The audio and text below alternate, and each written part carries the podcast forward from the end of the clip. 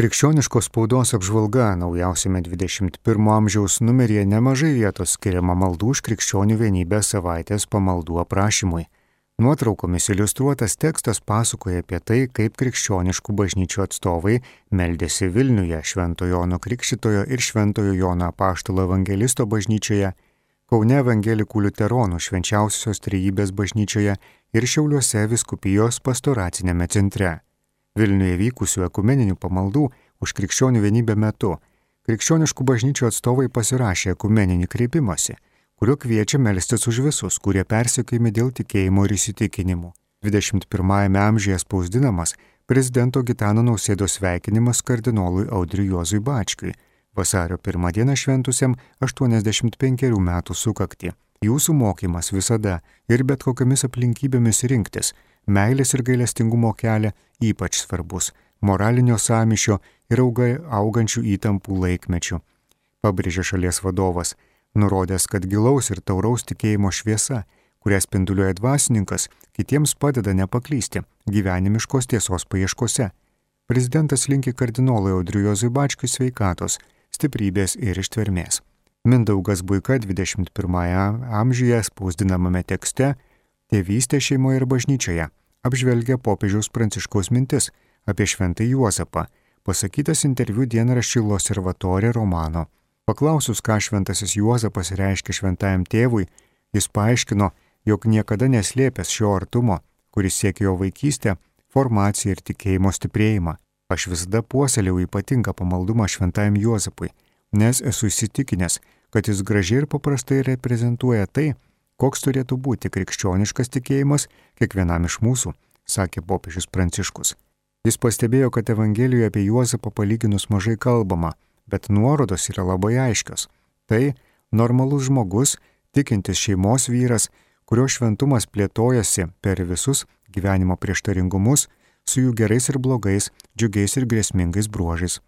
Tačiau iš to, ką randame evangelistų apaštalų Mato ir Luko pasakojimuose, Negalime paneigti to fakto, kad šventasis Juozapas buvo svarbus veikėjas išganimo istorijos pradžioje, todėl ir naujoje papildytoje jam skirtoje litanijoje atsirado invokacija išganimo bendradarbiai.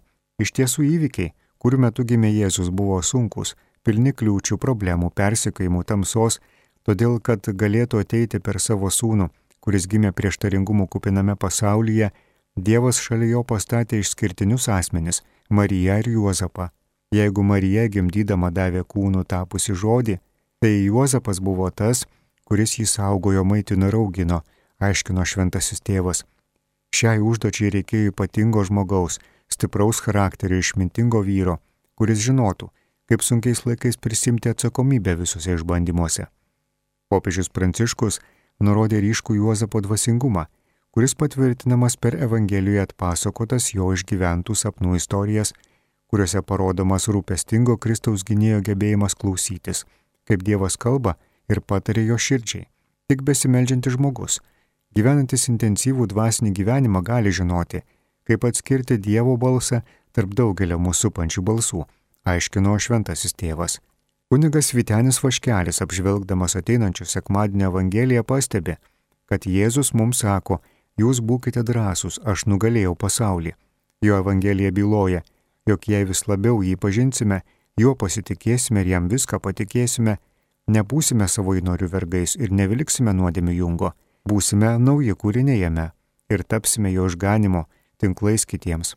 21-ame amžiuje skelbiama, kokią provokaciją kryžių kalne sukėlė belgų režisierius, apie ką kalbėjosi susitikę Lietuvo šeimų sąjūdžio pirmininkas ir Vilniaus arkivyskupas Gintaras Grušas, yra kelios žinios iš Lietuvos gyventojų genocido rezistencijos tyrimo centro, spausdinamas interviu su knygos Nepadariau tautai gėdos, Onos Šimaitės gyvenimo fragmentai autoriumi Rimantu Stankievičiumi.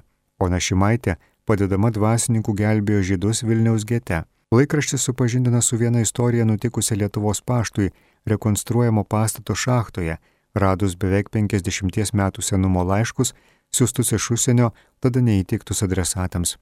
Išėjo ir laiškas laikraštis Katalikas.